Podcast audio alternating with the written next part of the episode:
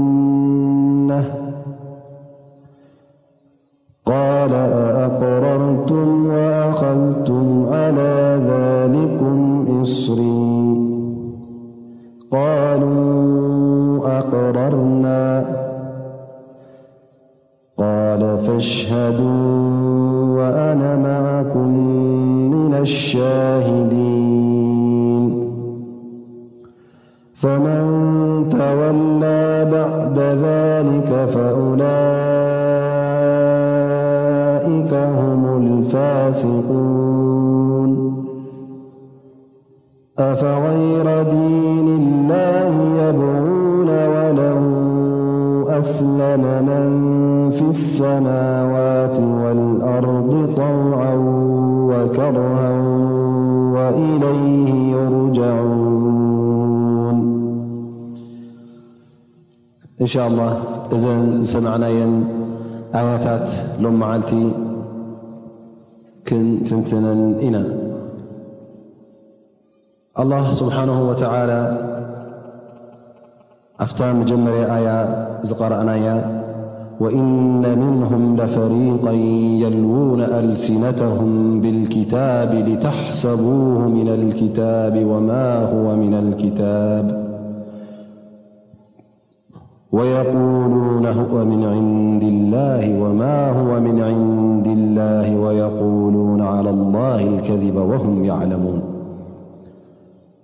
ኣላህ ስብሓን ወተላ ኣህል ልክታብ እቶም ኣላ ስብሓን ወተላ መፅሓፍ ዘውረደሎም ኣይሁዳውያን ይኹኑ ክርስትያን ይኹኑ ነቲ ኣላ ስብሓን ወተላ ዘውረዶ ክታብ ኣብ ክንዲ በቲ ዝወረዶ ቀጥ ኣቢሎም ዝሕዝዎ ባዕሎም ብመልሓሶም እናጠዋወዩ ዘይናትኹብዎም ባዕሎም መልሓሶም እናጠዋወዩ ዘይትርጉሙ ክትርጉሙ ኣላ ስብሓን ወተዓላ ዘይኣዘዞ ብኡ ክእዝዙ ከም እተረኽቡ ኣላ ስብሓን ወተዓላ ኣብዚ ኣያ እዚኣ ይጠቕሶም ኣሎ ማለት እዩ እዞም ሰባት እዚኦም ነቲ ዘይፈልጥ ሰብ ነቲ ዘይተማህረ ሰብ ነቲ ኣንቢቡ ዘይክእል ሰብ እዚ ካብ ኣላ ስብሓን ወተዓላ ዝወረደ እዩ እዚ ኣላ ስብሓን ወተዓላ ዝደልዮ እዩ እዚ ኣላ ስብሓን ወተዓላ ዝፈትዎ እዩ እናበሉ ንሰብ ዘታልሉ ዝነበሩ እዞም ሰባት እዚኦም ኣላ ስብሓን ወተዓላ ኣብዛ ኣያ እዚኣ ይኸሽሖም ኣሎ ማለት እዩ ላ ስብሓን ወተዓላ ይብል ወእነ ምንሁም ቅድሚ ሕጂ እውን ጠቒሱልና ነይሩ ካብቲ ባህርያት ናይ ኣህለል ክታብ እቶም ሰብ መፅሓፍ ካብቲ ባህርያቶም እንታይ እንታይ እንታይ ከም ዝኾነ እንደገና ኣላ ስብሓን ወተላ ሕጂ እውን ኣብዛ ኣያ እዚኣ እውን ሓደ ካብቲ ጠባያቶምን ሓደ ካብቲ ባህርያቶምን ሓደ ካብቲ ካብ መገዲ ከውፅኦም ዝኸኣለን ክሓቲ ክገብሮም ዝኸኣለን ሓደ መገዲ ወይ ከዓ ሓደ ባህርያት እንታይ ከም ዝነበረ ኣብዚ ኣያ እዚኣ ኣላ ስብሓን ወተላ ይጠቕሰልና ማለት እዩ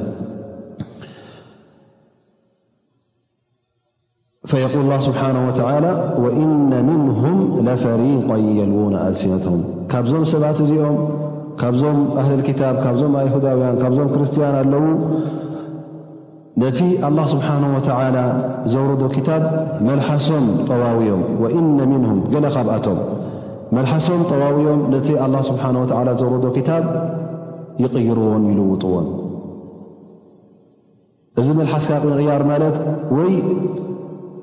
እቲ ቃል ከውፅዎ ከለዉ ኣብ ክንዲ ነቲ ፅሩይ ቃል ዘውፅኡ ጠውዮም የውፅዎ ካልእ ትርጉም ከም ዝህብ ማለት እዩ ወይ እውን ክትርጉምዎ ከለዉ ትርጉሙ ከምዝን ከምዝን ኢሎም እቲ ኣላ ስብሓን ወተላ ዘይደልዮን ኣላ ስብሓን ወላ ዘይፈትዎን ተግባር እዚ ከምዝን ኢሉ እዩ ኣላ ስብሓን ወተላ ኣዚዙኩም ኢሎም ዘይተኣዘዘ እንከሎ ተኣዚዙ ክብሉ እንከለዉ ሕጂ ባዕሎም ብመልሓሶም ነቲ ክታብ ኣላ ስብሓን ወተዓላ ክጠውይዎ ይርከቡ ማለት እዩ እሶም እንተዘልዮም ይክይሉ እንተደልዮም ይውስኽሉ ማለት እዩ እዚ እውን ኣብቲ ሕብረተሰብ ናይቶም ኣይሁዳውያን ናይቶም ክርስትያን እቶም ነቲ መፅሓፍ ወይ ከዓ ነቲ ክታብ ዘንብቡን ነቲ ክታብ ዝፈልጡን እቶም ምሁራን ዝበሃሉ እቶም መራሕቲ ሃይማኖት ዝበሃሉ እሶም ንሕና ኢና ንፈልጥ ንሕና ኢና ንትንትኖ ንሕና ኢና ትርጉሙ ንፈልጥ ኢሎም ነቲ ሰብ ንሶም ወከልቲ ናይቲ ሃይማኖት ኮይኖም ቀሪቦም ከም ድላዮም ነቲ ሃይማኖት ክፃወትሉን ክላገፅሉን ተረኪቦም ማለት እዩ እዚ እውን ተጋግዮም ዝገበርዎ ተግባር ኣይኮነን። እዚ እውን ብዘይ ምፍላጥ ዝተገብረ ነገር ኣይኮነን። እንታይ ደኣ ባዕሎም ፈሊጦም እናረኣዩን እናሰምዑን ዝወደቕዎ ግብሪ እዩ።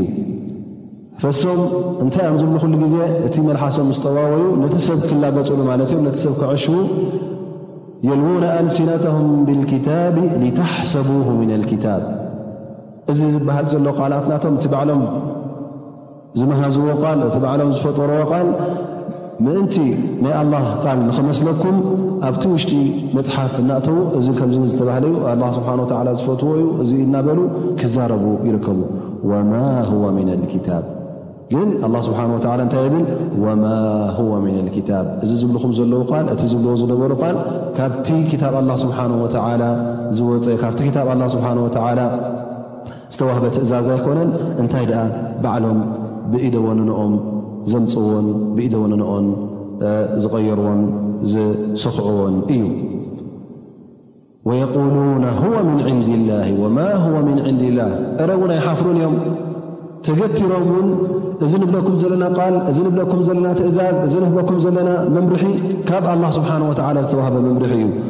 እሞ ኸዓ ክትክተልዎ ኣለኩም ኢሎም ሕጂ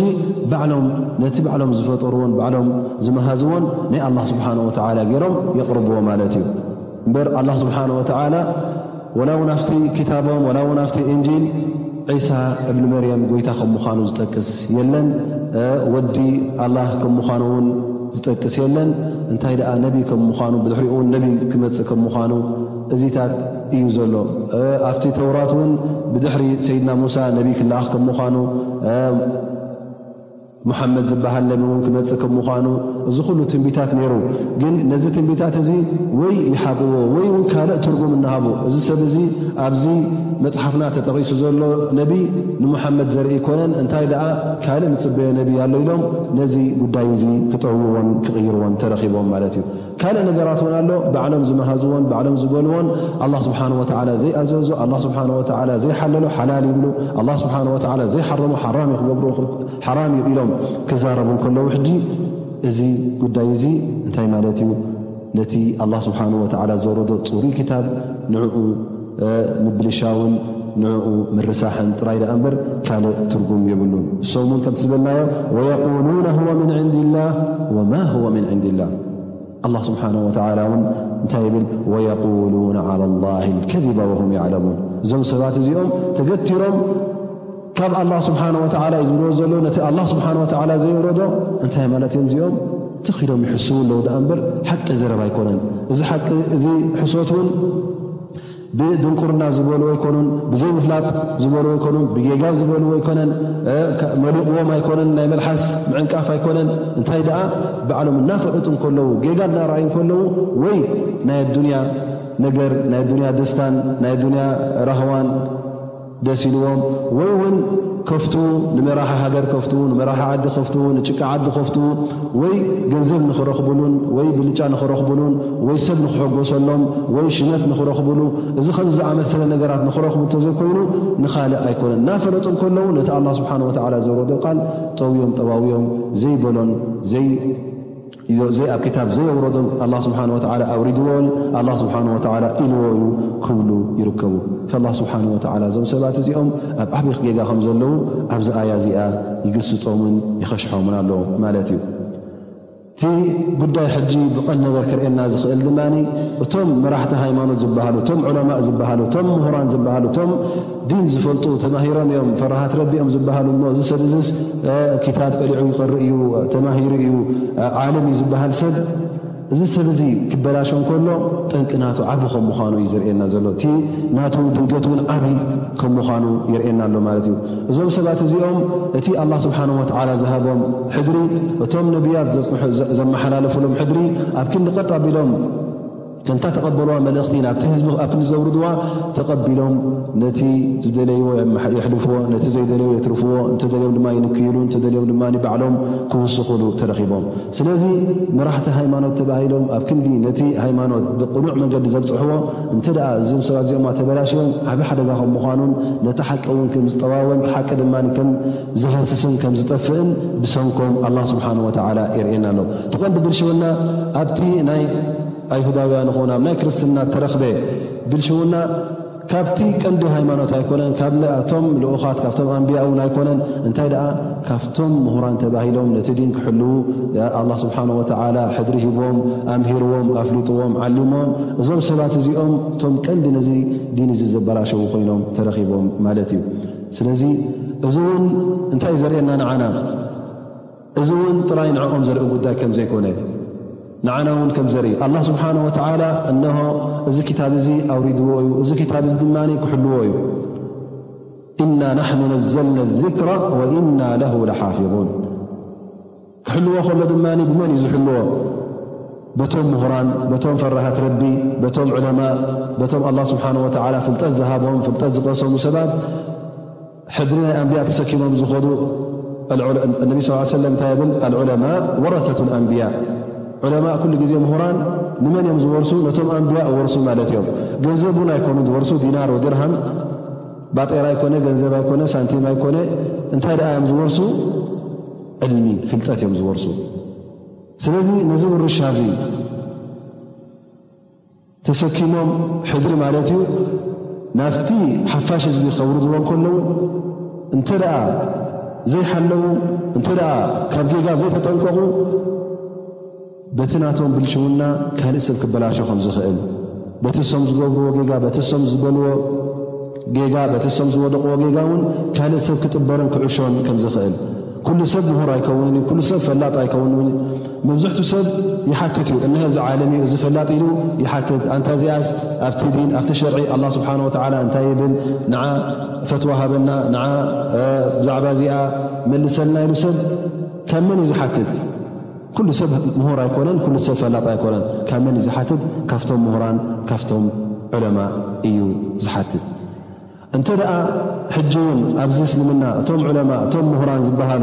ነዚ ክታብ ኣላ ስብሓን ወተዓላ በቲ ኣላ ስብሓን ወተዓላ ዘይበሎን በቲ ኣላ ስብሓን ወተዓላ ዘየውረዶን ክጠውዎ ነቲ ትርጉሙ ዘይናቱ ትርጉም እናሃቡን ናቱ ብዘይናቱ ማዕናን ብዘይናቱ ተፍሲርን ፍስርዎ እተ ተረኪቦም እዞም ሰባት እዚኦም ን ልክዕ ነቶም ኣህል ክታብ ነቶም ዝኸሓዱ እውን ኣርኪቦሞም ማለት እዩ ግዴታ ኣይኮነን እቲ ክታብ ንገዛእ ርእሱ ኣምፅእካ ብቀለም ጌርካ ክትስርዞ ኣይኮነን ግዴታ ካብቲ እስልምና ንክትወፅእ እንታይ ደኣ እንተ ኣላ ስብሓን ወተላ ዘይበሎ ትርጉሙ ዘይኮነን እተ ትህብ ኮንካ እሞ እስኻ ከዓ ኣብ ዓይኒ ሰብ ምሁር ትቁፀር እተ ኮይንካ ነቲ ክታብ ኣላ ስብሓን ወተዓላ ኣብ ክንዲ ናይ ህዳያ መሳርሒ ትገብሮ ናይ ምንታይ መሳርሒ ጌርካዮ ማለት እዩ ናይ ጥፍኣት ኣብ ክንዲ ናይ እምነት መሳርሒ ትገብሮ ናይ ክሕደት ጌርካዮ ማለት እዩ ስለዚ ብክታብ ኣላ ስብሓን ወተዓላ ትላገፅን ብክታብ ኣላ ስብሓን ወተዓላ ትፃወትን ኣለኻ ማለት እዩ እዚ ከዓ ፅባሕ ንግሆ ንዓኻ ዓብዪ ሽግር ስለ ዝኾነ ኣብ ቅድሚ ኣላ ስብሓን ወተዓላ ከትሕተካ እዩ ኣብ ኣዱንያ እውን እዚ ትገብሮ ዘለኻ መጨረሽኡ ኼር ኣይኮነን እስኻ ውን ልክዕ ከምቶም ኣይሁዳውያን መሲልካ ኣለኻ ማለት እዩ ከምቲ ተግባሮም ትገብር ኣለኻ ማለት እዩ ኣላ ስብሓን ወተዓላ ከምቲ ዝበልና ኩሉ ግዜ እቲ ናቶም ታሪኽን እቲ ናቶም ተግባራትን ክትንትነልናን ክጠቕሰልናን ከሎ እንታይ ማለት እዩ ተጠንቀቑ እስኹም ውን እዚ መገዲ ኣይትከተሉ እዚ መገዲ እዚ ትስዓቡ ተጠንቀቑ ይብለና ኣሎ ማለት እዩ ስለዚ ንሕና ውን ኣብዚ ግዜና ኣብቲ ዝሓለፈ ግዜ ውን ኣብቲ ዲን ኣልእስላም ውን እንተ ርእና ገለ ገለ ሰባት በዱንያ ተዓሽዮም ብሽመት ብሃብቲ ብሰብ መዚ ንሰብ ንኸፍቱ ንመራሒ ሃገር ንኸፍቱ ንካልእ ዓይነት ሰብ ንኸፍቱ ኣብ ክንዲ በታ ኣላ ስብሓን ወተዓላ ዝበላ ዝቕየድ ነታ ኣላ ስብሓን ወተዓላ ዘውረዳ ንዓኣ ጥውይ ኣቢሉ ዘይናታ ትርጉም ክህብ ከሎ ዘይናታ ድልት ኣላ ስብሓን ወተዓላ ዘይደለዮን ኣላ ስብሓን ወተዓላ ዘይኣዘዞን ተኣዚዙ እዩ ክብል እንከሎ ንሰብ ክዕሽ እንከሎን ንሰብ ክጥብር እንከሎን እዚ ሰብ እዚ ነቶም ኣይሁዳውያን ይመስል ኣሎ እዚ ሰብ እዚ እውን ኣብ ሓደጋ ከም ዘሎ እዩ ዝጠቅስ ስለዚ ኩሉ ሰብ ክጥንቀቕ ኣለዎ እዚ ከም ታሪክ ከም ሕሉፍ ገይሩ ክሪኦ የብሉን እንታይ ደኣ ኣብዚ ግዜና እውን ክርከብ ከም ዝኽእል እቶም ዑለማእ ዝበሃሉ እቶም ፈላጣ ዝበሃሉ ኩሉ ግዜ ፍርሃት ረቢ ክኾኑ ኣለዎም ኩሉ ግዜ ነቲ ክታብ ኣላ ስብሓን ወተላ ተሰኪምካ ኣብቶም ህዝቢ ከተውርዶም ከለኻ ቆላሕትኻ ቀንዲ ነገር ኣብ መን ክኸውን ኣለዎ ኣብ ኣላ ስብሓን ወተላ እሞ እዚ ዝብሎ ዘለኹስ ኣላ ስብሓን ወተዓላ ፈትዎ ድዩ እቲ ኣላ ስብሓን ወተዓላ ዝኣዘዞ ድዩ ኣላ ስብሓን ወተዓላ ዘርዲ ድዩ ወይስ ንሰብ ዘርዲ እንተ ደኣ ኣነ ንሰብ ንኸርዲ ጥራይ እተ ዝደሊ ኮይነ ከምቲ ነቢና ሙሓመድ ለ ላ ለ ወሰለም ዝበልዎ ሓደ ሰብ እንተ ደኣ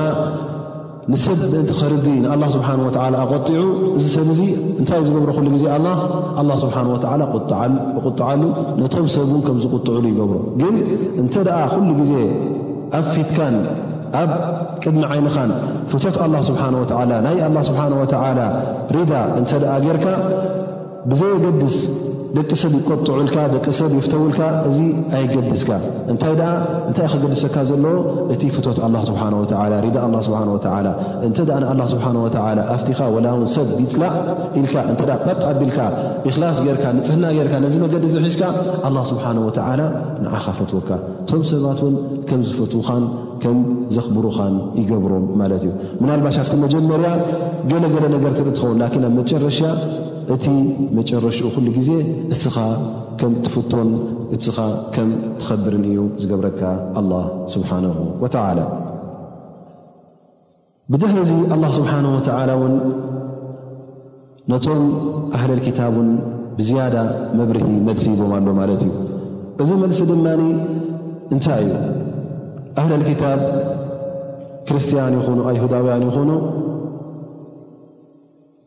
እንተ ደኣ ክርስትያን ርኢና ንነቢና ዒሳ ዓለይህ ሰላም ልክዕ ከም ጎይታ ገይሮም ከምልኽዎ ኢና እንረኽቦም እዚ እውን ካበይ ኣምፅእኩሞ እተ ተባሂሎም ብኡኢና ተኣዚዝና ንገዛእ ርእሱ እውን ዒሳ ማለት የሱስ ከምዝን ከምዝን ኢሉ ጎይታ ከም ምዃኑ ጠቒሱ ንሱ ውን ክግዛእ ከም ዘለዎ ወይ ከዓ ክንሰግደሉ ከም ዘለና ከነምልኾ ከም ዘለና ኢሎም እዚ ነገር እዚ እውን የውርዩ እዮም ላ ስብሓን ወተላ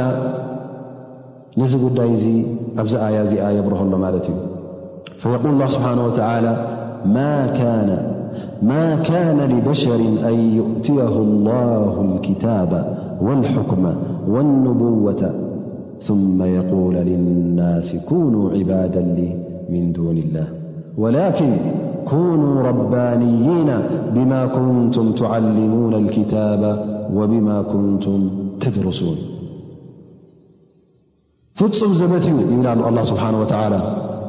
ኣላ ስብሓን ወተዓላ ንሓደ ወዲ ሰብ ልኡኽ ገይርዎ ክታብ ኣውሪድሉ ፍልጠት ሂብዎ እዚ ኩሉ ሂብዎ እንከሎ ዘበት እዩ እዚ ሰብ እዚ ኣነ እየ ጎይታ ኣነ እየ ክተምልኹን ዝግባእ ንዓይ ጎይታ ግበሩ ንኽብል እዚ ጉዳይ እዚስ ዘበት እዩ ፍፁም ዘይቅቡል ነገር እዩ ስለምንታይ ምኽንያቱ እዚ ሰብ እዚ ኣላ ስብሓን ወተዓላ መሪፅዎ ክመርፆ እንከሎ ስቑል ይመርፆን ዩ ኣላ ስብሓን ወተዓላ ክመርፆ እንከሎ እዚ ሰብ እዚ ፍልጠትን ዕልምን ቀሲሙ ዩ ኣብ ርእሲኡ እውን ኣላ ስብሓን ወተዓላ ውሓይ ከውርደሉ እንከሎ ብመላእካ ኣውሪድሉ ዩ እሞ ከዓ እዚ ሰብ እዚ ፍፁም እሙንን ኣማንን እንተዘይከውን ነይሩ ኣላ ስብሓን ወተዓላ ኣይመረፆን ነይሩ እዚ ሰብ እዚ ንፁህ እንተዘይከውን ነይሩ ኣላ ስብሓን ወተዓላ ኣይመረፆን ነይሩ ስለዚ እቶም ኣንብያ ኩሎም ንፁሃን ጣሂሪን እዮም ብፁኣን እዮም ስለዚ ፈፂሞም ካብቲ ኣላ ስብሓን ወተላ ዝኣዘዞም ፈልከት ኣይብሉን እዮም ካብቲ ኣላ ስብሓን ወላ ዘውረደሎም ቀይዲ ፈፂሞም ፈልከት ኣይብሉን እዮም እዚ ጉዳይ እዚ ዘበት እዩ ቅቡል ኣይኮነን ኣይኮነን ተጋግዮም ክትብልሲ እዚ ነገር እዚ ወላ እውን ኣብ ሓንጎልካስ ክበፅሕ የብሉን ዘበት እዩ ኢሉ ኣላ ስብሓን ወተላ ነዚ ጉዳይ እዚ የብር ማ ካነ በሸር ዝኾነ ይኹን ወዲ ሰብ ኣላህ ስብሓን ወተዓላ መሪጡ ነዚ ሰብ እዙ ኣን ዩእትያሁ ላሁ ክታብ ክታብ ኣውሪድሉ ልኡኽ ገይርዎስ ልኡኽ ጥራይ ግ ኣይኮነን ኣብ ርእሲኡ እውን ክታብ ኣውሪድሉ ሰይድና ዒሳ ኣላ ስብሓን ወተዓላ ልኡኽ ኢሉ ልኡኽ መሪፅዎ ካብታ ንፅህቲ ወላዲት ኣዲኡ መርያም ከም ዝውለድ ገይሩ ብድሕሪኡ ልኡኽ ገይርዎ ልኡኽ ገይርዎ ከዓ ክታብ ሂብዎ እንጂል ወንጌል ዝሃቦ እዩ እሱ እውን ሰብ እዩ እዚ ሰብ እዚ ኣላ ስብሓን ወላ ኣብ ርእስቲ ክታብ እውን ሕኩም ማለት ፍልጠት ሂብዎ ማለት እዩ ኣን ዩእትያ ላ ኣልክታባ ወልሕክማ ወኑቡዋ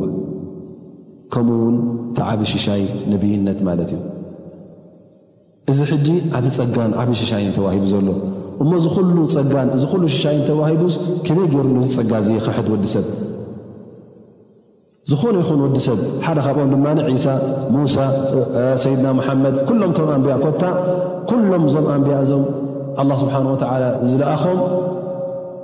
ካብ ሰይድና ኣደም ጀሚርካ ክሳዕ ሰይድና ሙሓመድ ትበፅሕ እዞም ኩሎም ኣንብያ እዞም ኩሎም ኣላ ስብሓን ወላ ፍልጠት ዘቕሰሞም ኣላ ስብሓን ወላ እዞም ሰባት እዚኦም ፍፁም ካብቲ ኣላ ስብሓን ወላ ዝኣዘዞም ወፂኦም ኣይፈልጡ እዮም ንዓይ ተገዝኡ ዝበለ ልኡኽ ንዓይ ተገዝኡ ዝበለ ነብይ የለን ሰዚ ሕጂ መልሲ ንመን እዩ ዝወሃብ ዘሎ ብቐንዲ ነገር ነቶም ነቶም ኣንብያ ከም ጎይቶት ገይሮም ዝርእዎም ኣምልኾቶም ኣብ ክንዲ ንኣላህ ንኣንብያ ንነቢ ጎይታ ገይሩ ዝህብ እዚ ሰብ እዚ ኣላ ስብሓን ወተዓላ ይምልሰሉ ኣሎ እንታይ እዮም ዝብሉ ነይሮም እዞም ሰባት እዚኦም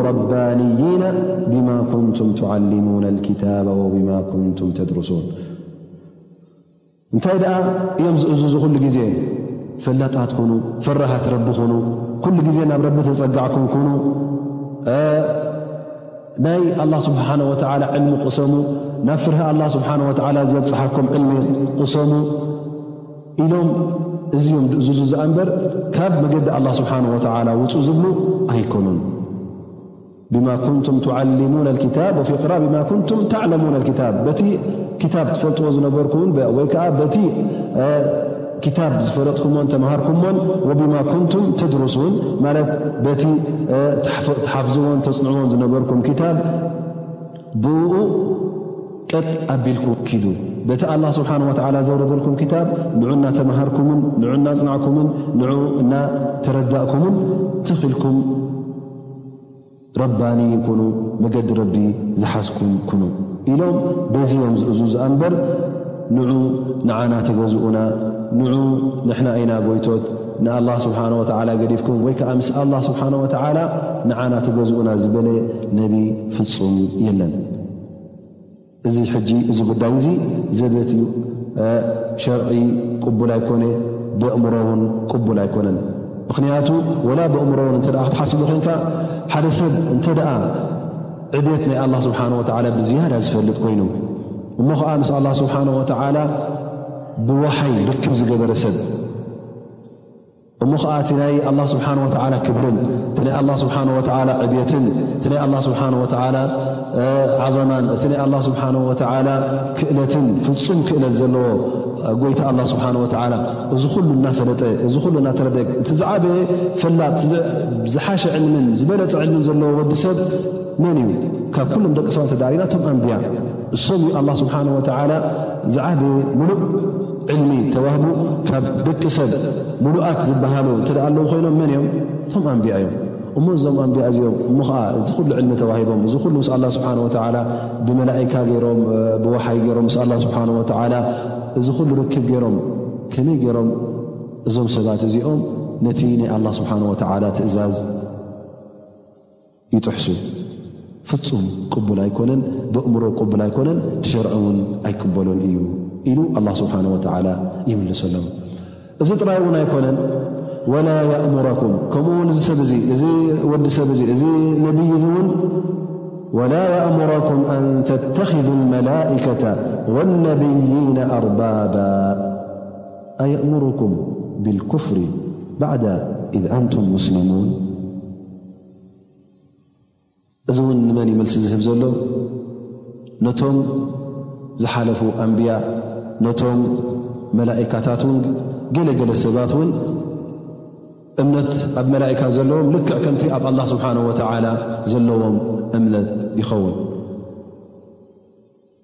ኣለዉ ሰባት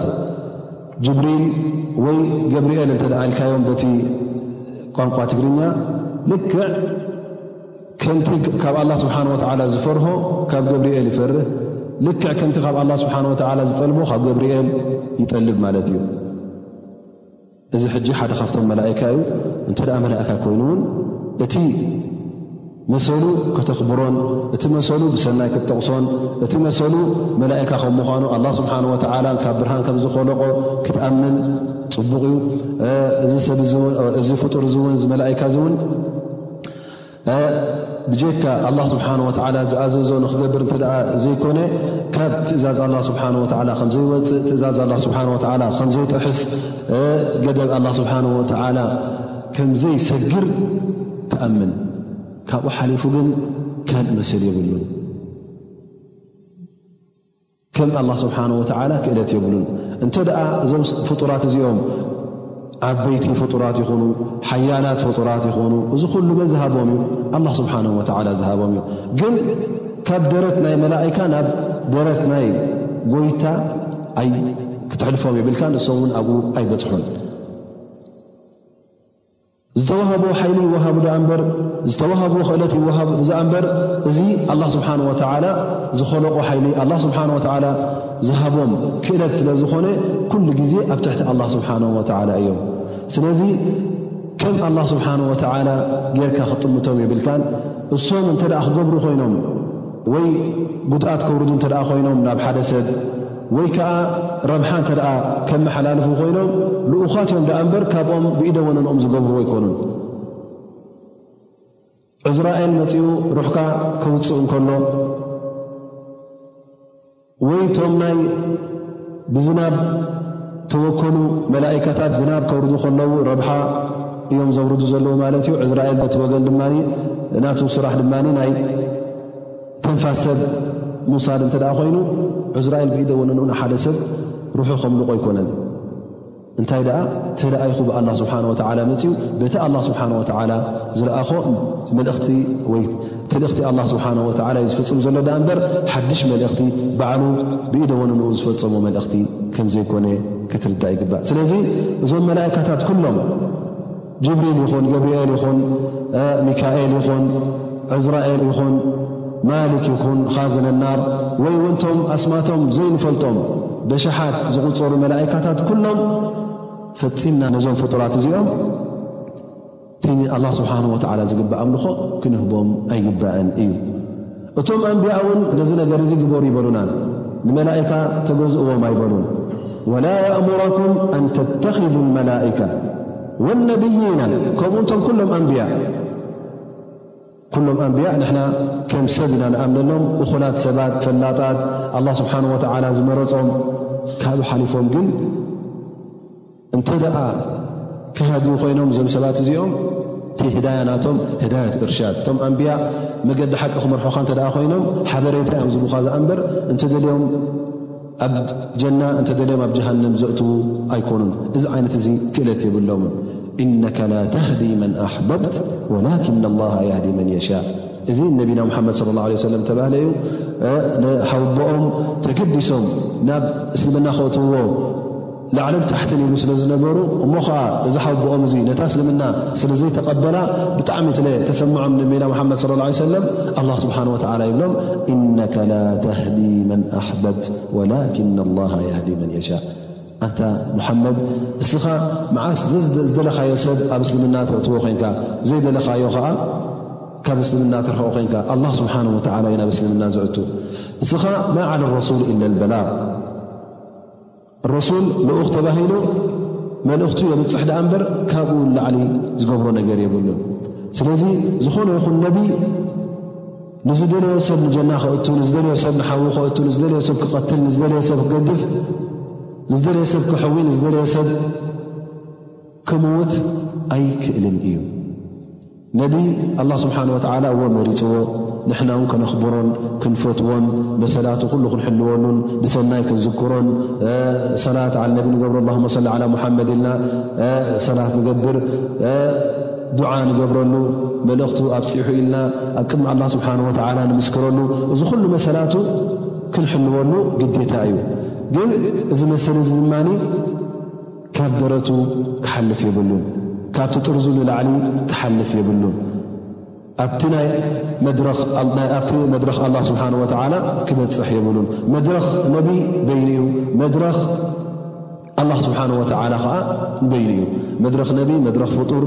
መድረኽ ኣላ ስብሓን ወተዓላ ድማ መድረኽ ፈጣሪ ኣብ መንጎ ፈጣርን ኣብ መንጎ ፍጡርን ድማ ዓብ ጋብ ወይከዓ ዓብዪ ጉዕዞ እዩ ዘሎ ማለት እዩ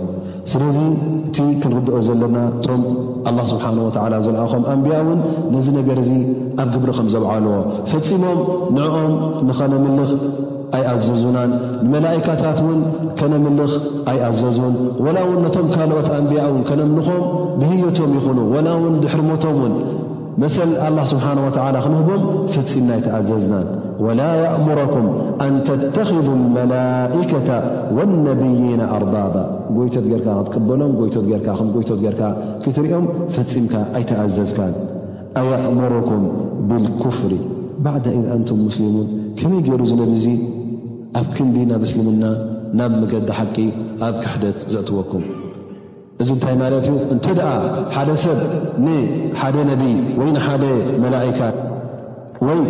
ንዝኾነ ይኹን ፍጡር እንተ ከም ጎይታ ገይሩ ዝሪኦ ኮይኑ እቲ መሰል ናይ ጎይታ ንዕኡ ዝቦ እተ ኮይኑ ክሓዲ ማለት እዩ ካብ እስልምና ወፅኢ ማለት እዩ ላ ስብሓ ኣየእምሩኩም ብልኩፍር እዛ ካ ኣመረኩም እተ ብ ንመላእካ ንክትግዝኡ ንኣንብያ ንክትግዝኡ እንተ ኣዚዙኩም እዚ ልክዕ ብክሕደት ይእዝዘኩም ኣሎ ማለት እዩ እሞ ከዓ እዚ ስራሕ ኣንብያ ስራሕ ልኡኻተይ ኣይኮነን ልኡኻተይ ፈፂሞም ከም ዝኣመሰለ መልእኽቲ ኣየመሓላለፉን እዚ እውን ስርሖም ኣይኮነን እዚ እውን ዘበት እዩ ክብልዎ ዘይክእሉ እዩ ቅቡል ዘይኮነ ነገር እዩ ኢሉ ኣላ ስብሓን ወተዓላ ይብርሃልና ኣሎ ኣየእምሩኩም ቢልኩፍር ባዕድ ዒድ ኣንቱም ሙስሊሙን ከመይ ገይሩ ካብቲ መንገዲ እስልምናን ካብቲ መንገዲ ሓቂ ካብቲ ንኣላ ስብሓን ወላ ኣስተስሊምኩም ኢትኩም ሂብኩሞ ዝነበርኩም ካብኡ ውፅኡ ናብ መንገዲ ክሕደት ዝመርሓኩም ፍፁም ቅቡል ኣይኮነን ኢሉ ኣላ ስብሓን ወላ ይምልስ ኣሎ ማለት እዩ ኩሎም ኣንቢያ ውን ንሕና ኩላ ኸና ከም ንፈልጦ ኩሎም እታ ቀንዲ መልእኽቶም ሒዞማ ዝመፁ ዝነበሩ እንታይ እያ ተውሒድ ዕቡድላ ትብል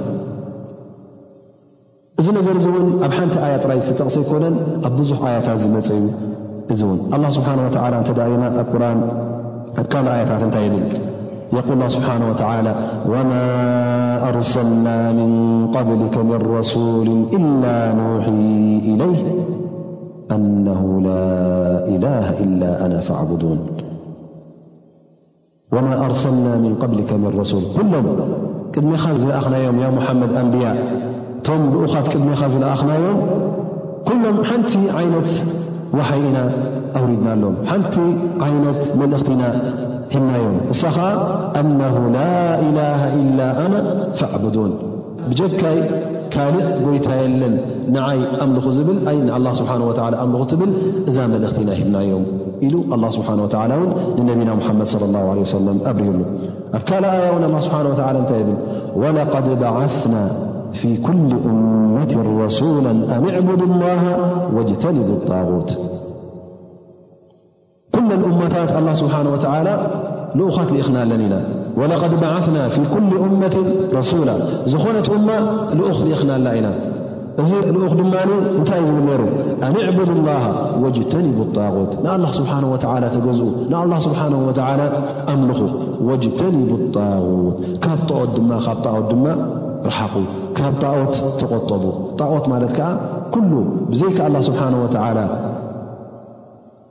መግዛእቲ ወይ ከ ኣምልኾት እትህቦ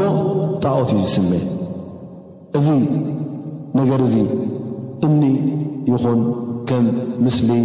ማለት ሰነም እንተ ኮይኑ እንተ ኣምልኾ ትበለኻ ጣኦት ይስመ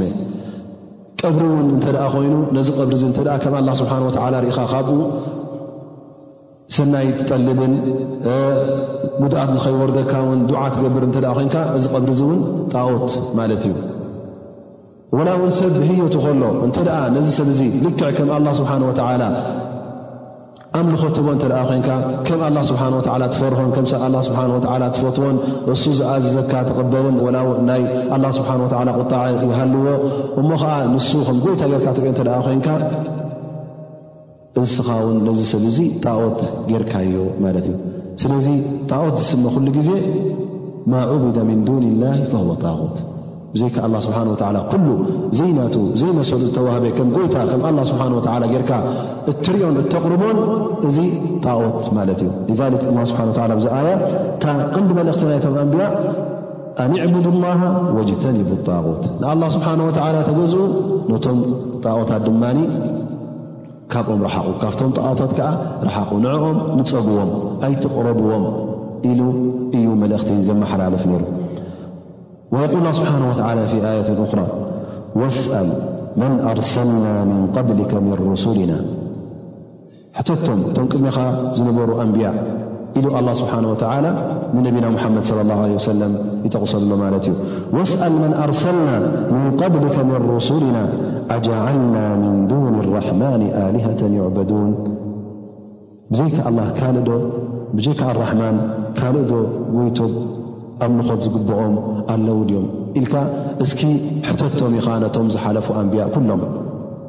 ኢሉ ኣላ ስብሓን ወተዓላ ንነቢና ሙሓመድ ለ ላ ለ ወሰለም የብርሃሉ ማለት እዩ እዚ ድማ እዚ ሕቶ እዚ እንታይ ማለት እዩ ፈፂምና ብጀካ ኣላ ስብሓን ወተዓላ ካልእ መግዛእ ንክግዛእን ንኻልእ ንኣምልኾት ንክወሃብን ዝግብኦ ፈፂሙ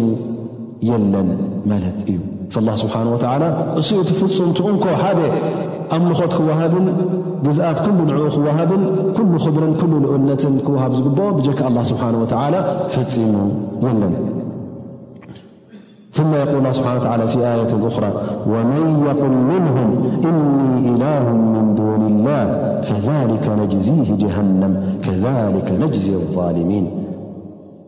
ወዓላ ራእሲሂም ፍርዖን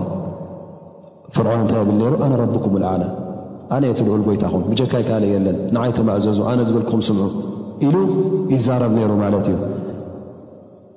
ሊዛልክ ዝኾነ ይኹን እንተ ደኣ ሓደ ሰብ እውን ከም ሰብ እተ ከም ጎይታ ዝሪኦ ኮይኑ እተ ናይ ምስል ናይ ጎይታ ዝህቦ ኮይኑ እንተ እዚ ነገር እዚ ደስ ዝብሎ ኮይኑ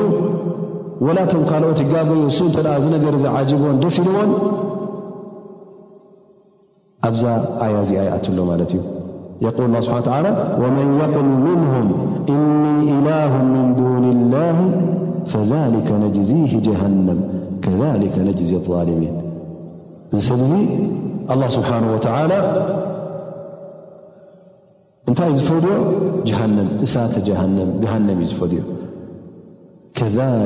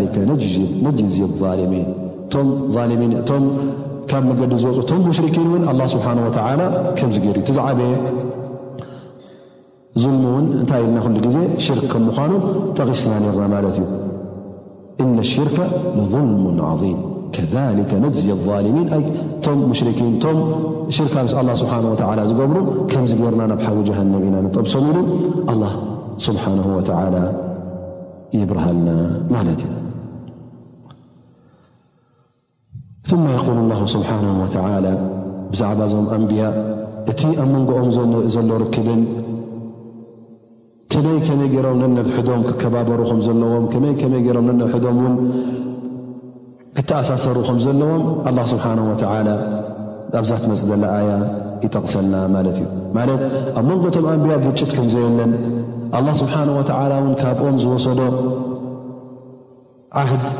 ወይ ኪዳን وعلكمزاللون أزأ زئ تغسلنا مالتي فيقول الله سبحانه وتعالى وإذ أخذ الله ميثاق النبيين لما آتيتكم من كتاب وحكمة ثم جاءكم رسول مصدق لما معكم لتؤمنن به ولتنصرنه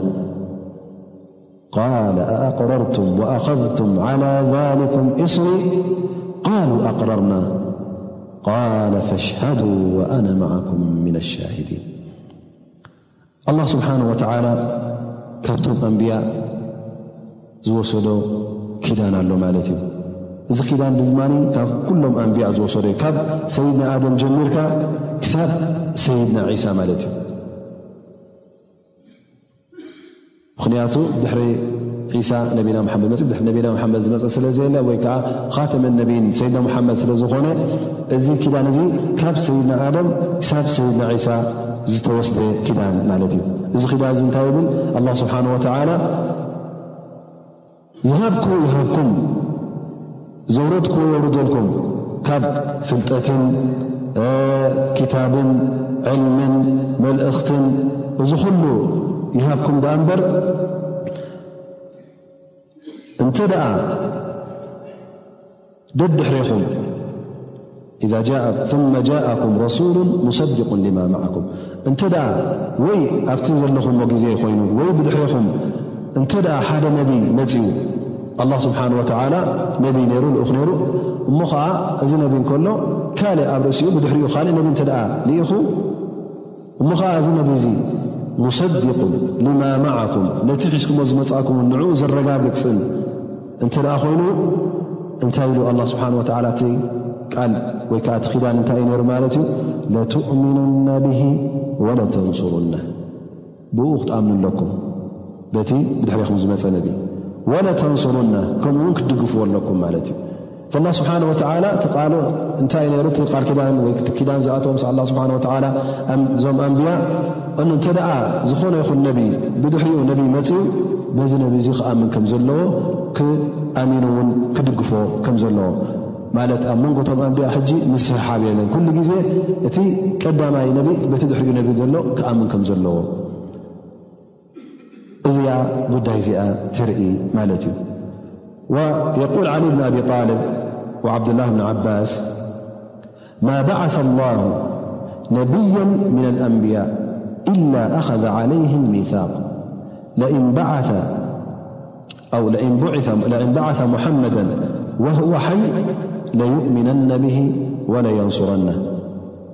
ወኣመረሁ ኣን የእኹዘ ኣልሚታቅ ዓላ ኡመትህ ለኢን በዓሰ ሙሓመድ ወሁም ኣሕያእ ለዩእሚኑና ብሂ ወለየንሱሩና እዘን እዚኣ ድማ ካልእ ትርጉም ኣላታ ማለት እዩ እታ ቀዳመይቲ ዝኾነ ይኹን ነቢያ ትብል ማለት እዩ ሓደ ነቢ እንተ ብድሕሪኡ ዝስዕብ ዝኾን ነቢ መፅኡ በዚ ነቢ እዚ ክኣምን ከም ዘለዎ እቶም ብኡ ዝኣምኑ ዝነበሩ ህዝቢ እውን በዚ ሓድሽ ነቢ በቲ ብድሕሪኡ ዝመፀ ነቢ እውን ክኣምኑ ከም ዘለዎም ቃል ክኣትወሎም ከም ዘለዎ ካብኦም እውን ኪዳን ውዕል ክወስድ ከም ዘለዎ ዝሕብር ማለት እዩ እቲ ካልኣይ ትርጉም ግን እንታይ ይብል ካልኣይ ማዕና ኩሎም ኣንብያ ኣላ ስብሓን ወተዓላ ቃል ኪዳን ከም ዝኣትዉ ገይርዎም እዩ። ብዛዕባ እንታይ እኑ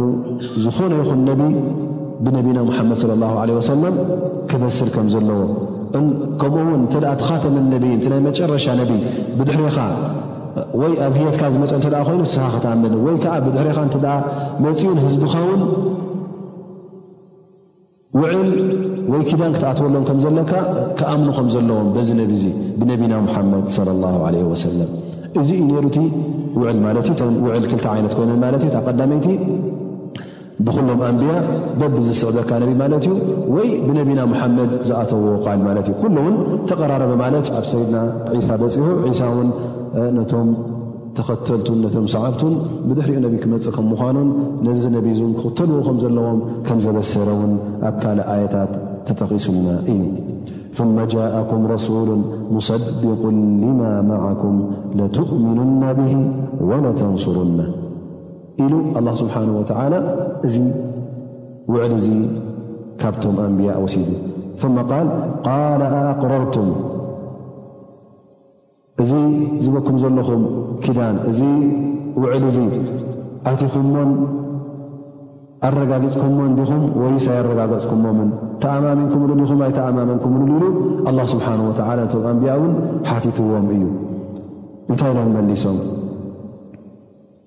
ቃል ኣኣቅረርቱም ኣኸዝቱም ዓላ ሊኩም እስሪ ነፍሲ እስሪ ማለት ዓህዲ ማለት ኩሉ ሓደ እዩ ማለት እቲ እስር ማለት ከዓ እቲ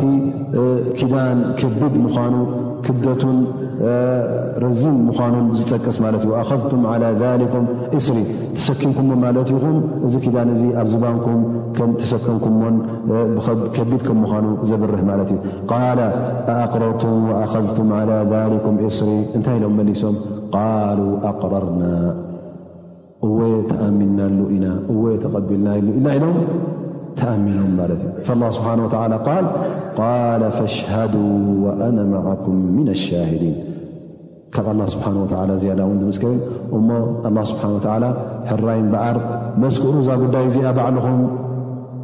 ከም ዝኣተኹምላ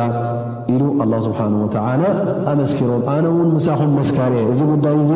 እዚ ውዕሊ እዚ ኣብ መንጎወን ኣብ መንጎኹም ከም ተገበረ ኣነ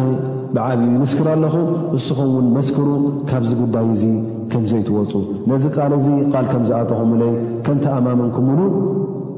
ብድሕሬኹም ዝመጽእ ኣንብያ ክሳዕ እቲ ኻተመ ነብይን ዝመጽእ ክትኣምኑ እቶም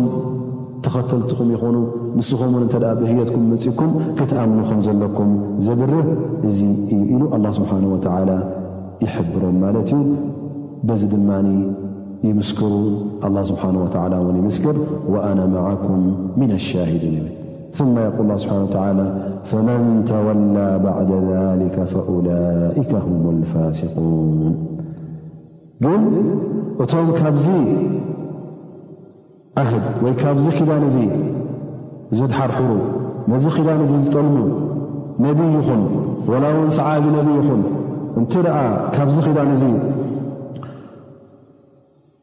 ክፍትሑን ካብዚ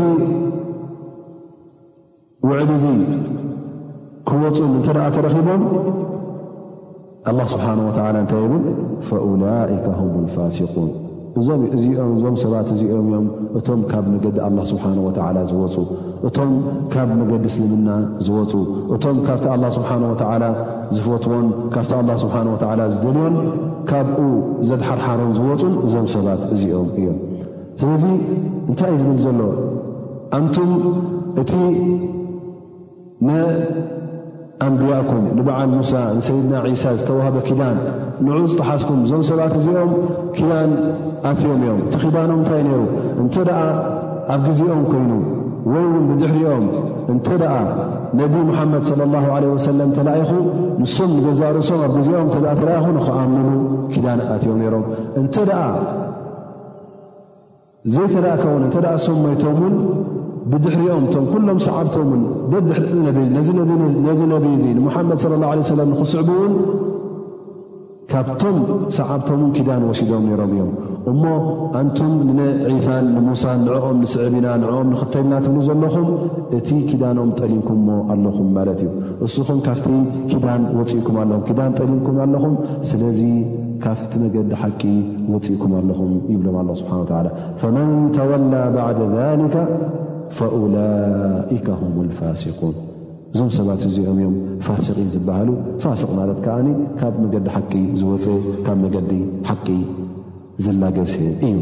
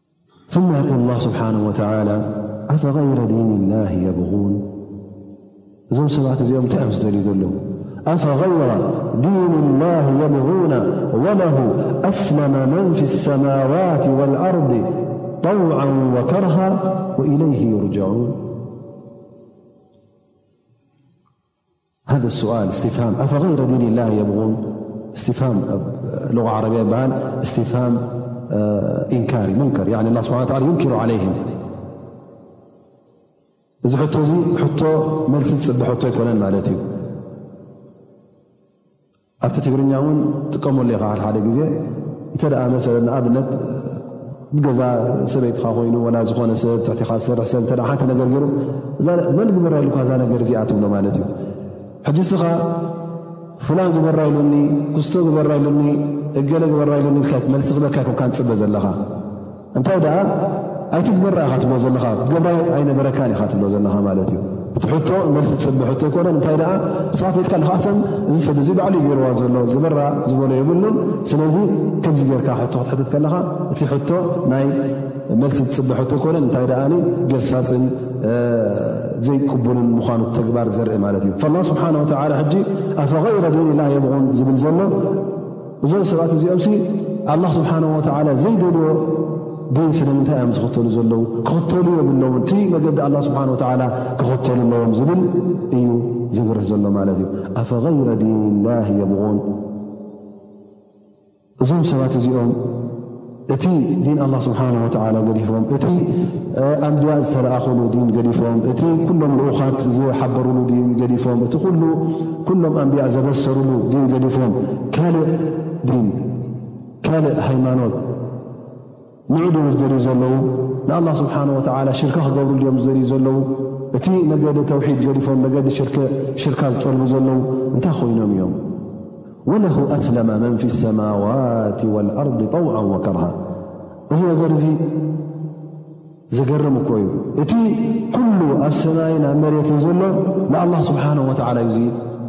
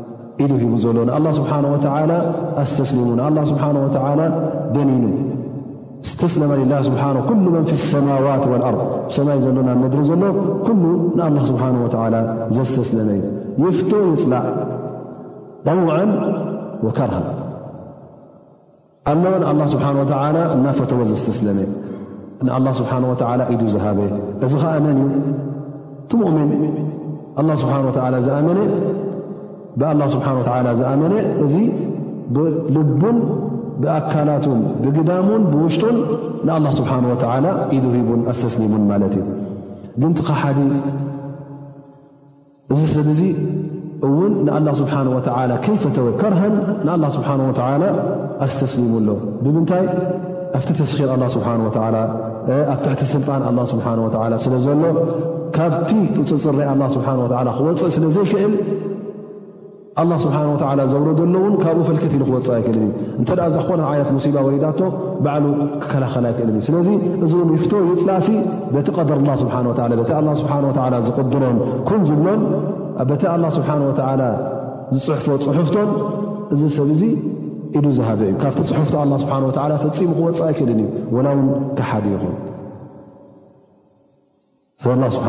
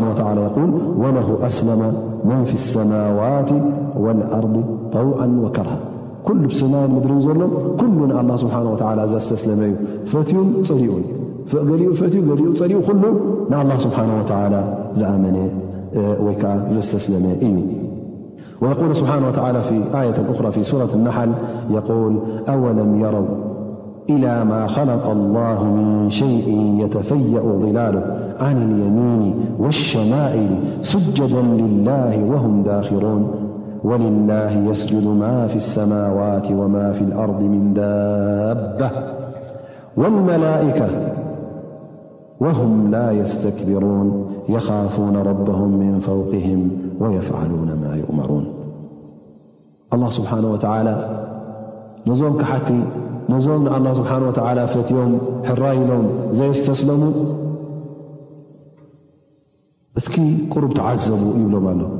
እስኪ ቁሩብ ተዓዘቡ ኣይትዕዘቡን ዲኹም ኣወለም የረው ኢላ ማ ኸለቀ ኣላህ እዚ ኣላህ ስብሓን ወተዓላ ኩሉ ኸሊቕዎ ዘሎ ዝኾነ ይኹን ፍጡር የተፈየኡ ላሎ ፅላል ዘለዎ ዝረአ ማለት እዩ ዓን ልየሚኒ ወሸማኢል ገረብ ይኹን እምኒ ይኹን ዝኾነ ይኹን ኣላ ስብሓን ወተዓላ ዝፈጠሮ ብየማንካን ብፀጋምካን ዘሎ ኩሉ ትሪኦ ዘለኻ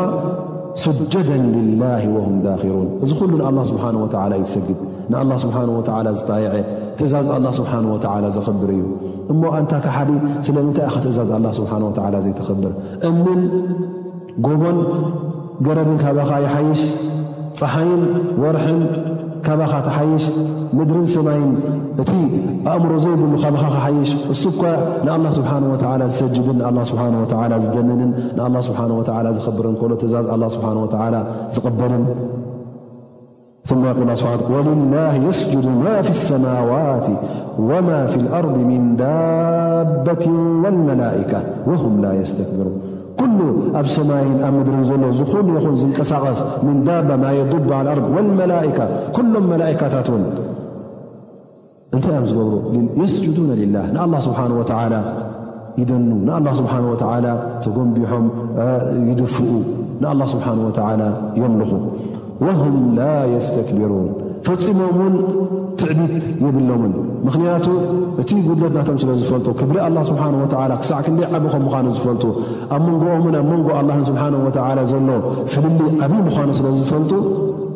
ፈጺሞም ብዘይ ገለ ትዕቢት ንኣላህ ስብሓን ወተዓላ የኽብሩን ንኣላህ ስብሓን ወተዓላ የስጅዱን ወልመላኢከቱ ወሁም ላ የስተክቢሩ ኣላ ስብሓን ወተዓላ እቲ ናብ መላእካ እተዋህበ መዝነትን ምስቲ ምስ ወዲ ሰብ ክንሪኦ ከለና እነቢ ስለ ላ ለ ወሰለም ሓደ ግዜ ኣብ ክተሻን ሰይድና ጅብሪል ሪኦሞ ማለት እዩ ኣብ ላዕሊ ምስ ረኣይዎ ሽዱሽተ ሚቲ ሽሕ ጀናሕ ወይ መንገፍገፍ ዘለዎ ኣብ ርእሲኡ ሰደል ኡፉቅ ነቲ ላዕሊኡ ነቲ ልዕሊኡ ዘሎ ኩሉ ዓፅዎ ማለት እዩ እዚ ሕጂ ሓደ መላእካ ማለት እዩ ፍክንደይ መላእካ ደ እዚ ትዕብት ናይ ሓደ መላእካ ትሪኦ ኣለኻ እዚ ኩሉ ዕብትን እዚ ኩሉ ክእለትን ተዋሂቦም መላእካ ድማ ኣላ ስብሓን ወተላ ብቋሕሰን ካብ መድሪን ሰማይ የንቀሳቀሶም ኣሎ ማለት እዩ ክሳዕ ክንደይ ሓይሊ ኣለዎም ማለት እዩ ክሳዕ ክንደይ ክእለት ኣለዎም ማለት እዩ እዚ ኩሉ ክእለት ተዋሂቦም ከለዉ ኣብ ቅድሚ ኣላ ስብሓን ወተዓላ እታ ነብሶም ፍፁም ረብሓ ከም ዘይብላን ጥቕሚ ከም ዘይብላን ስለ ዝፈልጡ ኩሉ ግዜ ንኣላ ስብሓን ወተዓላ ገኒኖምን ሰጊዶምን ብዘይገለ ትዕቢትን ብዘይገለ ርእሲ ምልዓልን ትረኽቦም ማለት እዩ ማ የቁል ስብሓ የኻፉና ረባም ምን ፈውቅህም ወየፍዓሉነ ማ ይእመሩን እዞም መላኢካታት እዚኦም እቲ ኣብ ልዕሊኦም ዘሎ ኣላህ እቲ ኣብ ልዕሊኦም ዘሎ ጎይታ ንዕኡ ይፈርሁ ካብኡ ይጥንቀቑ ምኽንያቱ ዓቢ ስለ ዝኾነ ፈጣሪኦም ስለ ዝኾነ ድላዩ ክገብሮም ክእለት ስለ ዘለዎ ንኡ ዘሕምቆን ንኡ ዝዓግቶን ንኡ ዘሸግሮን ነገር ስለ ዘየለ ካብ ኣላ ስብሓን ወላ ስለ ዝፈሩ ኩሉ ግዜ እቲ ኣላ ስብሓን ወላ ዝበሎም ይእዘዙ የኻፉና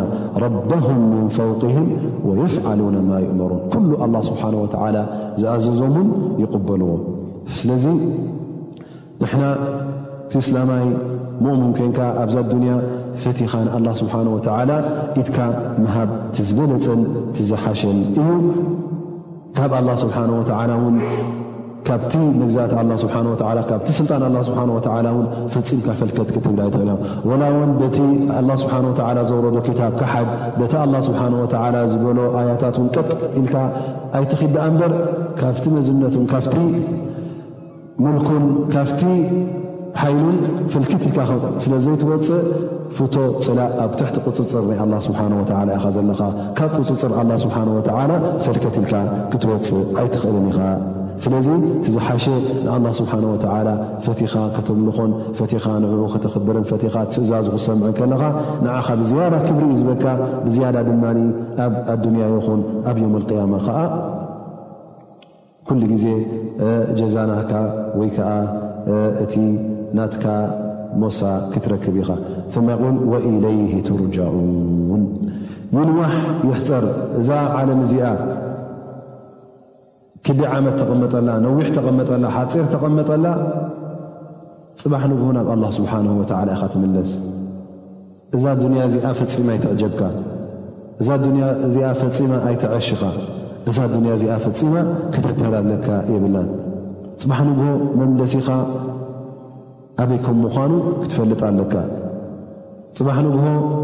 ኣበይ ኢኻ ትኣቱ? ኣብ ጀና ዲኻ ትኣቱ? ኣብ ጀሃንም? ጽባሕ ንግሆ ኣላህ ስብሓን ወተዓላ እንታይ ኣኪቡልካ ክጸንሕ እዩ? ሰናይ ተግባራት ኣጅርን ድዩ ተኣኪቡ ክጸንሕ ወይስ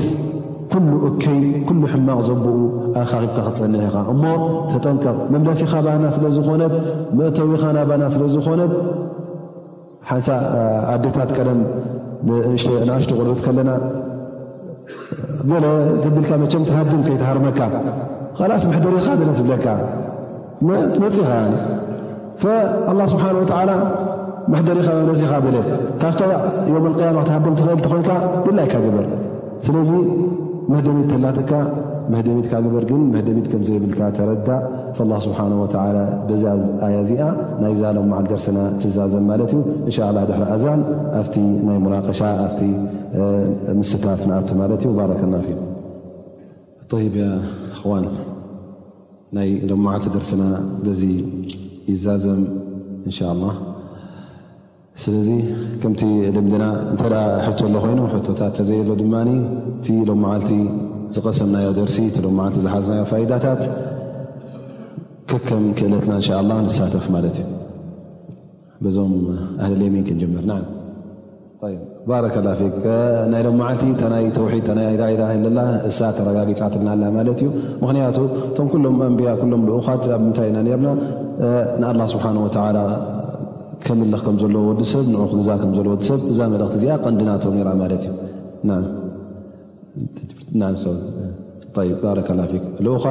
እቶም ኣንብያ ኣ ስብሓ ዝለኣኹም ልኡኻት ካብ ኣላ ስብሓ ወላ ከምተላእኩን ካብቲ ናቶም መድረኽ ወይከዓ ካብቲ ናቶም ክብደት ውን ላዕሊ ካብ ክንዎም ካብ ዘለዓለ ውን ክንዎም የብልናን ማለት እዩ እቲ ናቶም ደረጃ ከነፅንዓሎም ኣለና ካብቲ ናቶም ደረጃ ግን ንላዕሊ ኣብቲ ናይ ኣላ ስብሓ ወላ ደረጃ ከነሕልፎም የብልናን ማለት እዩ እቲ ደረጃኦም ክሕሎ ኣለዎ ካብቲ ደረጃኦም ላዕሊ ድማ ክወሃቡ የብሉ ካብቲ ደረጃኦም ታሕቲ እውን ከነውርዶም የብልናን ስለዚ ንዝኾነ ንነቢይ ልካ ከም ዝኾነ ውልቀ ሰብ ክትሪኦ የብልካን ማለት እዩ ነቢይ ናባኸ ተላእኸ ነቢ መሓመድ ይኹን ዋላ ውንቶም ካልኦት ኣንቢያ እውን ይኹኑ ደረጃኦም ክሕለወሎም ኣለዎ። ካብቲ ደረጃኦም ልክዕ ከም ካልእ ሰባ ጌርካ ክተውርዶም እዚ ጉድለት ማለት እዩ፣ ተጉድሎም ኣለኻ ማለት እዩ። እዚ እውን ምናልባሽ ኣብ ክሕደት እውን የውጠቐካ እዩ። ከምኡውን እተ ካብቲ ደረጃኦም ንላዕሊ ኣሕሊፍካዮም እውን ክሕደት የብፅሓካ ማለት እዩ። ከምዛ ሎምዓት ዝረ ኣየእምሩኩም ቢልኩፍር እተ ነቢ ንመላእካ ካብቲ ደረጃኡ ንላዕሊ እንተ ኣሕሊፍካዮ ክሒትካ ማለት እዩ። ካብቲ ደረጃኡ ንታሕቲ እውን እተ ኣውሪድካዮ ክሒትካ ማለት እዩ። ነቢ እንተ ክበብ ኣላ ስብሓ ላ ነቢ ነቢ ይኮነን እተ ኢልካ ልክ ከም ካልኦት ውልቀ ሰባት እዩ እተ ኢልካ ተዛሪብካ እውን ክሒትካ ማለት እዩ ስለዚ ኩሉ ነናቲ ደረጅኡ ሓሊኻ ክትከይድ ከለኻ እዚ እዩ እቲ ቅኑዕ መንገዲ ባረከ ላ ፊ ኣላ ስብሓን ወተላ ካብ ኩሎም ኣንብያውን ሚታቅ ኪዳን ውዕል ከም ዝወሰደ ማለት እዩ እዚ ኪዳን ድማ እንታይ እዩ ዝብል ነይሩ እንተ ብድሕሪኦም ልኡኽ መፅኡ እዚ ልኡኽ እዚ እውን ነቲ ናቶም ዘረጋግፀን እንተ ኮይኑ ክስዕብዎን ክኽተልዎን ክድግፍዎን ከም ዘለዎም ክሳዕ ነቢና ሓመድ صለ ه ለ ሰለም ዝመፅ እቲ ናይ መጨረሻ ነቢ ማለት እዩ ብድሕሪ ነቢና ሓመድ ص ሰለም ነቢ ስለ ዘየሎ ግን ነቢና ሓመድ ص ሰለም ብድሕሪ ዝመፅ ነቢ ዝኣምነሉ የብሉን ማለት እዩ ንሕና እውን ካልእ ነቢይ ክመፅእ ዝብል ትፅቢት የብልናን ማለት እዩ ነቢና ሙሓመድ ስ ሰለም ኣክር ወይ ከዓ ናይ መጨረሻ መደምደምታ ነቢ ስለ ዝኾነ በዚ ናይ ሎመዓት ዝሃብናዮ ደርሲ እዚኣ ሒዝና ኣለና ውን ምደት ኢና እንሻ ላ እቲ ንታሽሙንታይ ዩ ጀዛከላ ይ እቲ ካብቲ ሓደ ጌጋ ዝገበሩ እቶም ኣህለል ክታብ እንታይ እዩ ነይሩ ኣብ ክንዲ ነቲ ክታብ ነቲ ኣላ ስብሓ ላ ዘውረዶ መፅሓፍ ዝሕልውዎ ባዕሎም ብኢደውንኦም ይቀያይርዎን ይለዋውጥዎን ከም ዝነበሩ ብመልሓሶም ጠዋዊዎን ጉዕፅፅዎን ከም ዝነበሩ ሎም መዓልቲ ተረዲእና ማለት እዩ ነቲ ኪዳን ኣይሓለዎን ኪዳን ጠሊሞም እቶም ብኣላ ስብሓን ወተላ እቶም ብነቢና ሓመድ ለ ላ ለ ወሰለም ዘይኣመኑ ብእስልምና ዘይኣመኑ ክርስትያን ይኹኑ ኣይሁዳውያን ይኹኑ ማለት እዮም ተኸተልቲ ሙሳን ተኸተልቲ ዒሳይ እና ዝብሉ ዘለዉ እዞም ሰባት እዚኦም ብነቢና ሓመድ ሰለም ዘይምእማኖም ነቲ ኪዳን ጠሊሞሞ ማለት እዩ ነቲ ኣላ ስብሓን ወተላ ዝኣተወሎም ኪዳን ጠሊሞም ማለት እዩ እዚኣ ሎም መዓልቲ ሒዝና ኣለና ማለት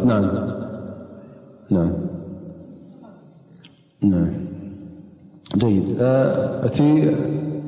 ከምቲ ኣብታ ቀዳመይቲ ኣያ ዘለብናያ ማለት እዩ እቲ ናይ ኣያ ናይ ቁር ናይቶም ኣህል ክታብ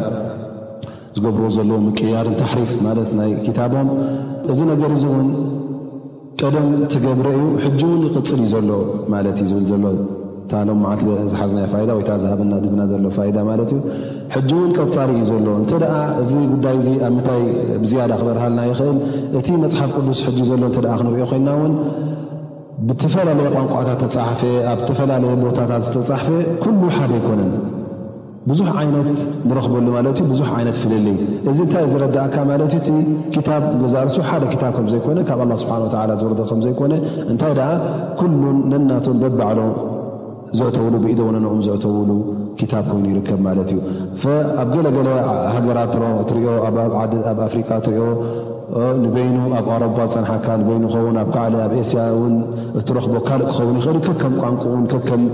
ባህርያት ናይቲ ሃገራት ተፈላለየ ኮይኑ ክትረኽቦ ከለኻ እንታይ እዩ ዘርእካ እዚ ጉዳይ እዚ እውን ቀፃሊ ከም ዘሎ ክሳዕ ሕጂ እውን ንክቕይሩን ንኸጉድሉን ይሓስቡ ከም ዘለዉ ማለት እዩ ከምቲ ቅድሚ ክንደይ ዓመታት ከም ዝሰማዕክዎ እንታይ ይብሉ ነይሮም ኣብ ዓዲ እንግሊዝ እታ ቤተ ክርስትያን እንታይ ትሓስብ ኣላ እተን ዓሰርተ ትእዛዝ ዝብላ ንዐአንሲ እቲ ሰብ ኣብቲ ቤተ ክርስትያን ክመፅ ከሎ ሰን ክጥቀሳ ከለዋ ሽወያ ቁሩብ ኣብቲ ስምዖም ስለ ዝኾነ ምኽንያቱ ሕጂ ሰን እንታይ ተ ዓሰርተ ትእዛዝ ዘለዋ ቀንዲ ነገር ብጀካ ንኣላ ስብሓን ወተዓላ ንኻልእ ክትግዛእ ከም ዘይብልካ ኣይትዘሙ ዘይሰበይትኻ ኣይትግለ ዝብል ከምኡ ውን ኣይትስረቕ እዚ ሕጂ ኣብቲ ባህርያት ናይቲ ህብረተሰብ ኣውሮባ ሕጂ እቲ ምዝማው ይኹን እቲ ካልእ ነገራት ይኹን ኩሉ ዳርጋ ሓላል ገሮም ይቕበልዎ ስለ ዘለዉ እሞ እዚ ነገር እዚ ምስቲ ናብረኦምን ምስ መዓልታዊ ሂወቶም ዝገራጮ ስለ ዝኾነ ነዚ ክሰምዑ ከሎ ደስ ስለ ዘይብሎም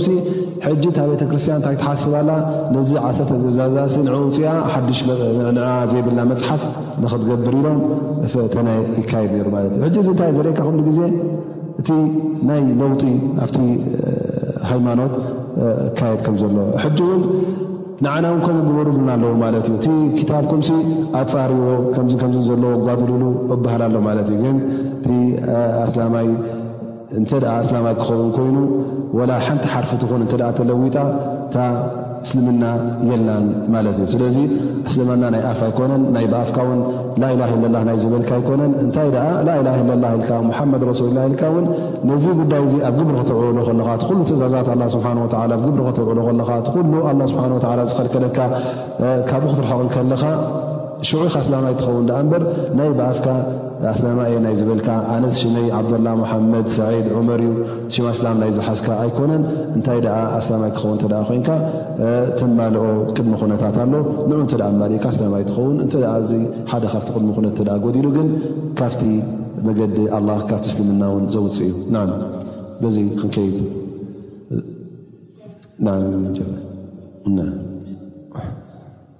ባረከ ላ ፊክ እዚኣ እታ መጨረሻ እታይ ክትዓፅወና ትዓፅዋ ዲካ ደሊካ እዚኣ እታ መጨረሻ ኣያ ው ናፍታ መጨረሻ ኣያ ሎ መዓልቲ ዝሰማዕናያ ዝሓዝናያ ፋይዳ እቲ ኣላ ስብሓን ወተላ ዘብርሆ ዘሎ ብጀካ ዲን ኣላ ስብሓን ወላ ካልእ ክትክተሎ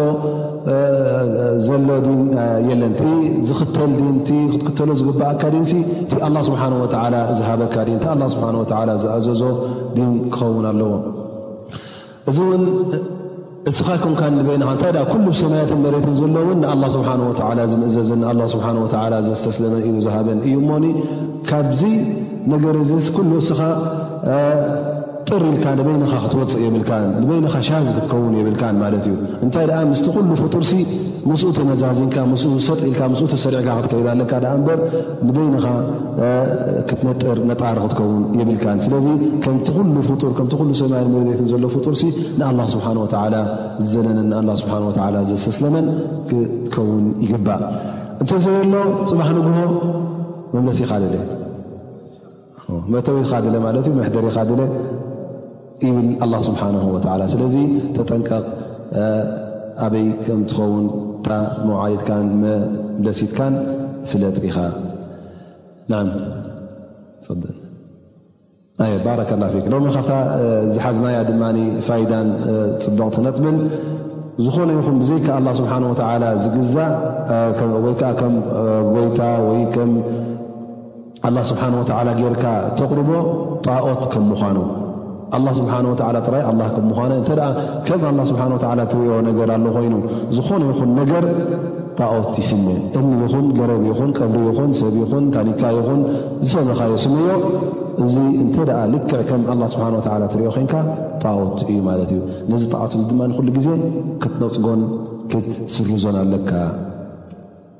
ናዓም ያ ሸክ በሽር ባረከ ላሁ ፊክ ናዓ ዝኾነ እቶም ኣንቢያ ቶም መላእካን ን ኩሉ ግዜ